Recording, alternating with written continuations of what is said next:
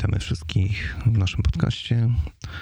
Dzisiaj porozmawiamy o opakowaniach, ale o takim jednym wyjątkowym temacie z całego spektrum opakowań. Naszym gościem Tadeusz Figurski.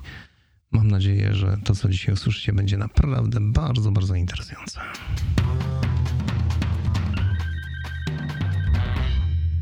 Nazywam się Mirosław Pawliński, jestem redaktorem naczelnym Świata Poligrafii. Witam Cię, Tadeusz. Witam serdecznie. E, powiedz mi, jak to się stało, że e, opakowania pojawiły się w Twoim życiu? Ja myślę, że opakowania nas otaczają i nie trzeba tutaj być wielkim koryfeuszem samych opakowań, żeby widzieć, że jest tego coraz więcej i że nie dotyczy to tylko jakiegoś jednego wybranego kraju, ale jest to tendencja ogólna, że opakowań mamy wokół nas coraz więcej. Myślisz, że pandemia pokazała nam tak naprawdę oblicza tych wszystkich opakowań? A tendencje wzrostowe rynku opakowań w czasie pandemii ujawniły tylko tendencję, która już w krajach Europy Zachodniej, a jeszcze bardziej w Stanach, e, była do zauważenia już parę ładnych lat temu gdzie wiele, wiele sklepów lokalnych zostało zamkniętych i w całości sprzedaż przeszła do internetu. Ten e-commerce w Polsce rozrósł się niesamowicie. A ja myślę, że to dopiero początek. No, tak przynajmniej pokazują wszystkie cyfry. Mądrzy tego świata mówią o 20-30% wzrostu tego sektora. Rok do roku? Rok do roku. Więc y, bardziej ostrożne e, oceny mówią o 18%, jeżeli chodzi o nasz skromny kraj, ale jest to naprawdę niesamowita ilość.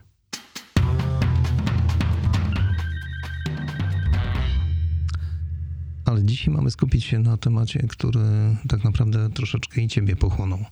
Czyli krótko rzecz biorąc, e, nie same opakowania, nie ich druk, nie e, przejście przez e, składarko-sklejarkę, ale to, co się dzieje poza.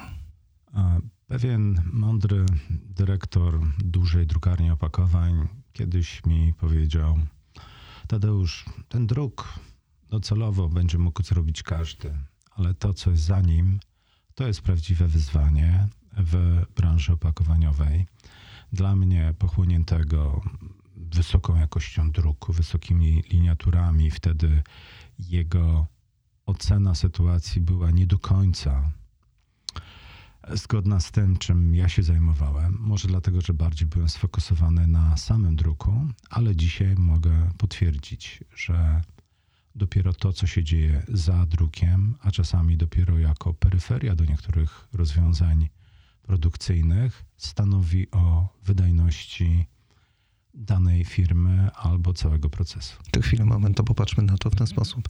No dobrze, wchodzimy do drukarni, są drukowane opakowania, później trafiają na składarko sklejarki, no a później widzimy całą masę ludzi, którzy y, bawią się tymi pudełeczkami. Albo je przekładają, albo sprawdzają jakość, albo dzieją się rzeczy takie, które pochłaniają trochę czasu. Procesy optymalizacji są bardzo łatwe do zrealizowania w momencie, kiedy mamy do czynienia z wielkimi nakładami. A więc ktoś, kto ma e, popularne opakowanie do aspiryny, których się drukuje parę milionów albo kilkadziesiąt milionów, może bardzo łatwo sobie zoptymalizować cały proces w zakresie sztancowania, czyszczenia na składarko-sklejarkach i pakowaniach, łącznie z pełnymi liniami do automatycznego pakowania. Wyzwaniem jest optymalizacja procesu przy nakładzie 5 tysięcy, 50 tysięcy, gdzie w wielu wypadkach tutaj bazujemy na pracach ręcznych. No dobrze, ale y, wyjaśnij, co znaczy ta optymalizacja. A zacznijmy... Wiesz, bo, bo, to jest czarodziejskie słowo. Wszyscy mówią optymalizacja. Zacznijmy od maszyny wykrawającej od sztancy. Jeśli mamy nakłady milionowe, to możemy od razu kupić sobie automat z dwoma e, sekcjami czyszczącymi i wtedy na gotowo wychodzą nam całe stosiki wyczyszczonych, odseparowanych od siebie kartoników. Jeśli nakłady są mniejsze, mamy zaczarowane słowo, że maszyna jest wyposażona w sekcję czyszczącą, ale niestety od łapek mamy w dalszym ciągu niewyczyszczone arkusze, a także między sobą one są ze sobą mostkami połączone. A więc w dalszym ciągu taką paletę muszę ręcznie przygotować do dalszych procesów. Jeżeli to jest jedna paleta, nie ma problemu. Jeżeli w drukarni tych palet na jednej maszynie sztancującej mogę mieć 50, to już potrzebuję dwóch osób, które tylko będą zajmować się tym czyszczeniem. I oczywiście do tej pory nie było problemu, ponieważ tych osób było w Polsce jeszcze w miarę sporo. Dzisiaj, kiedy ryzykiem jest nie tylko samo to, że te osoby nie będą, ale osoby, które dzisiaj pracują, już się nauczyły, jak to dobrze robić, żeby nie uszkodzić produktu finalnego, mogą się rozchorować i jutro ich nie ma.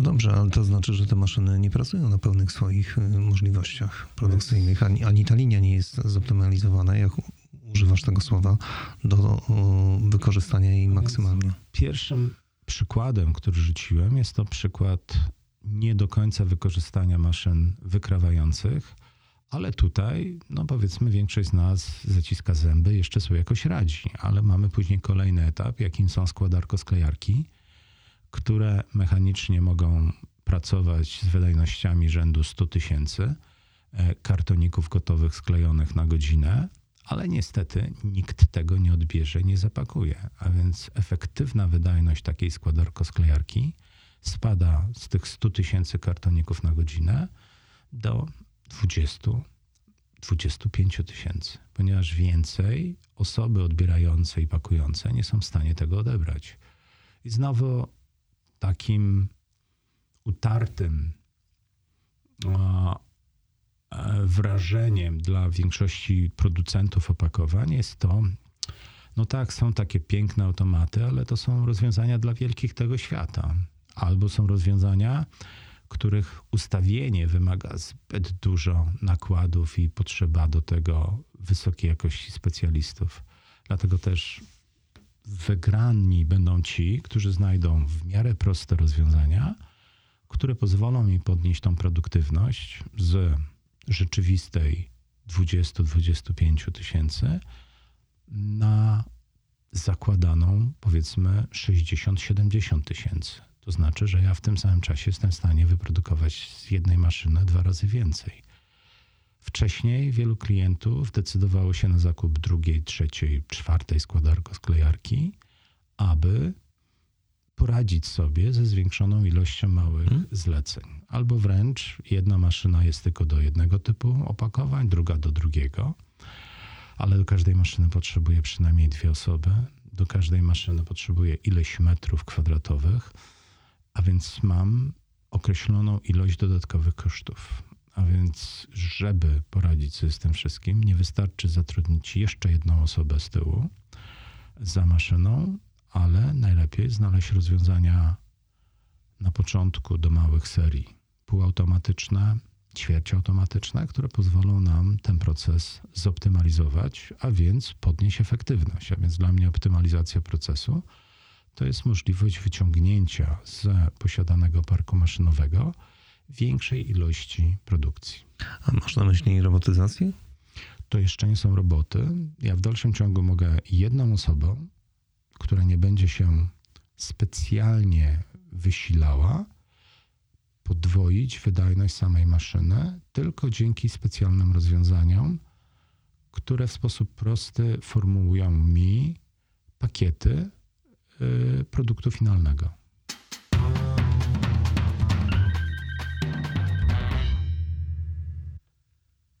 Przejdźmy do konkretnego rozwiązania, bardzo proszę.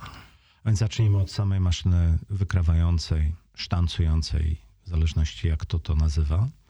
A przy małych nakładach rzędu 5 tysięcy arkuszy, 10 tysięcy arkuszy powstała, powstał szereg urządzeń, które w sposób offline'owy czyszczą z ażuru użytki jest to rozwiązanie bazujące na wcześniejszych maszynach e, do wielokrotnego kopiowania użytków. A więc mamy kawałek stempla, który nam przepycha z całego stosu kartoników dane użytki. To jest pierwsze rozwiązanie, które nam podnosi e, sam proces czyszczenia produkcji z maszyn sztancujących.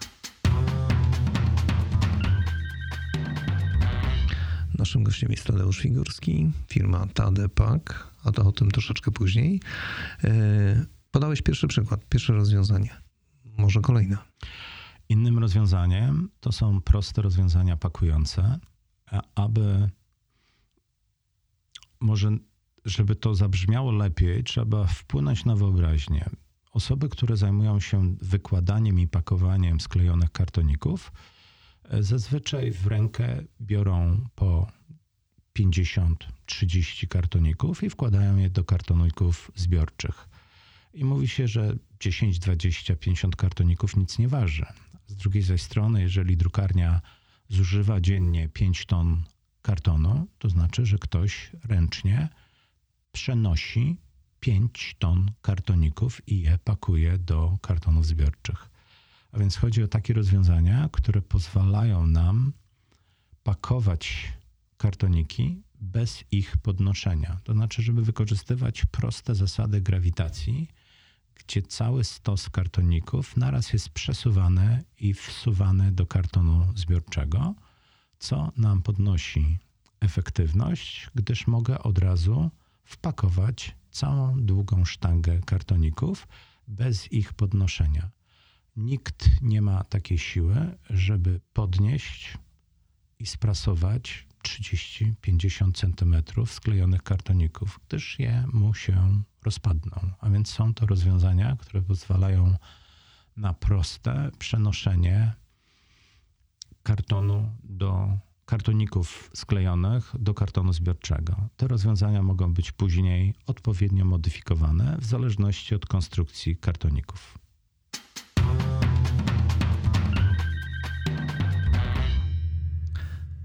No dobrze, ale takie rozwiązania już zostały gdzieś zainstalowane? To już... E, Takich instalacji nawet w Polsce jest już naście, a więc nie jest to coś, co jest zupełnie nowe. Niemniej jednak do tej pory w większości wypadków dotyczyło to tylko dużych tego świata, zaś dzisiaj także mali i średni zaczynają się rozglądać za tego rodzaju rozwiązaniami. Gdybyś e, miał popatrzeć na, na polskie drukarnie, to myślisz, że takich rozwiązań e, może być jeszcze więcej zainstalowanych? A, to znaczy. Ja myślę, Czy jest w ogóle rynek na to, jeżeli chodzi o. W promieniu 100 kilometrów od Warszawy myślę, że można rozmawiać o około 20 tego rodzaju nowych instalacjach, jako o potencjale szczególnie, że Polska ma jeszcze i w ogóle Europa Wschodnia ma jeszcze ten handicap, jakim są dotacje europejskie, a więc coś, co może byłoby samo w sobie nie do przełknięcia, może się okazać ciekawym rozwiązaniem, jeżeli dojdzie do tego jeszcze wsparcie unijne. Kiedy rozmawiasz na temat tego typu rozwiązań, to co jest największym wyzwaniem dla Twojego słuchacza? dla tej osoby, która, która pracuje w drukarni i próbuje ogarnąć ten temat e, w jakiś sposób? Ja myślę, że w większości wypadków ludzie są przyzwyczajeni i przyzwyczajeni drugą naturą człowieka, więc jeżeli do tej pory szło dobrze, tak jak szło, to po co zmieniać? To lepiej multiplikować to rozwiązanie, z którym mam do tej pory do czynienia. Więc to kupię sobie drugą, kupię trzecią taką samą maszynę ale dochodzimy do ściany. Po pierwsze, ściany nie są z gumy i nie wstawię więcej maszyn, a po drugie, e, zaczynamy cierpieć na brak zaangażowanych pracowników. Tutaj nawet nie potrzeba rozmowy na temat wysoko wykwalifikowanych osób, ale jest to dość siermiężna praca i osoby, które się tym zajmują, bardzo szybko się nużą i, i zazwyczaj zmieniają pracę. Wiesz co, ale to trudno sobie wyobrazić, żeby tyle kilogramów, wręcz nawet ton, przekładały ludzkie ręce. Ale to jest codzienna praca tych ludzi. Dlatego też ich wydajność z dnia na dzień jest coraz słabsza. Dlatego też w wielu wypadkach to, co bym zrobił na jednej takiej maszynie, robię na dwóch, dzielę to wszystko. są zasady organizacji pracy, że pracownicy zajmujący się pakowaniem mniej więcej co dwie godziny się zmieniają, a więc ten, który pakuje, potem nakłada albo przechodzi do innych prac. Ale jakby na to nie patrzeć, e, wykorzystanie tych maszyn jest dość ograniczone.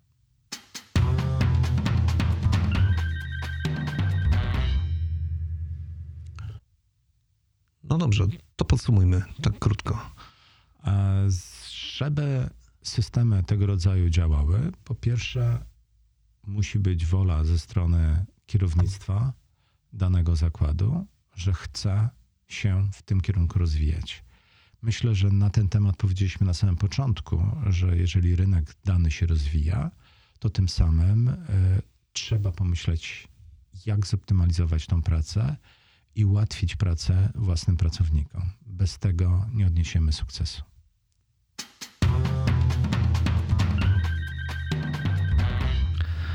Naszym gościem Tadeusz Figurski, firma Tadepak. Tadeusz, powiedz coś niecoś więcej na temat samej firmy. Zacznę od opakowań, bo sama nazwa jest powiązana z opakowaniami. W 2000 roku zapytano prezesa Drupy, wtedy był to pan Bolca Schönemann senior, jak widzi przyszłość druku. Jego odpowiedź była na tamte czasy dość ciekawa. Mianowicie powiedział: Tak długo, jak będziemy pakować śledzie w gazety, to mamy co robić. Powiedział to jeden z największych producentów maszyn gazetowych. Czasy się jednak zmieniły i dzisiaj śledzie są trochę inaczej pakowane. E, niemniej jednak w dalszym ciągu są pakowane. A pozostawiając tą dykteryjkę za sobą, e, podjąłem decyzję o rozpoczęciu własnej działalności jako firma, aby móc realizować te pomysły, z którymi do tej pory nie było po drodze, czy to wspólnikom, czy to moim szefom. Dlatego też dzisiaj myślę o doradztwie i kompetentnym rozwiązaniom, kompetentnym rozwiązaniom e, dla produkcji różnego rodzaju opakowań. Bazuje przede wszystkim na mojej wiedzy i doświadczenia z ostatnich nastu albo kilkudziesięciu lat, aby móc powiedzieć, jak dane opakowanie zrobić, jakie do tego sprzęty są konieczne, aby nie jak, jak najlepiej wykorzystać dany e, park maszynowy już posiadany przez klienta.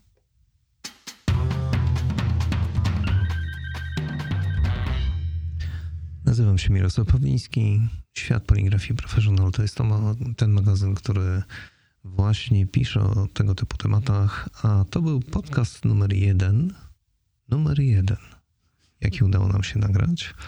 Uśmiechamy się obaj y, z Tadeuszem, bo to było niezłe wyzwanie. Zapraszamy Was do mm, słuchania kolejnych, ale oczywiście na łamy czasopisma, bo tam nieco więcej o tych rozwiązaniach, o których wspomniał Tadeusz.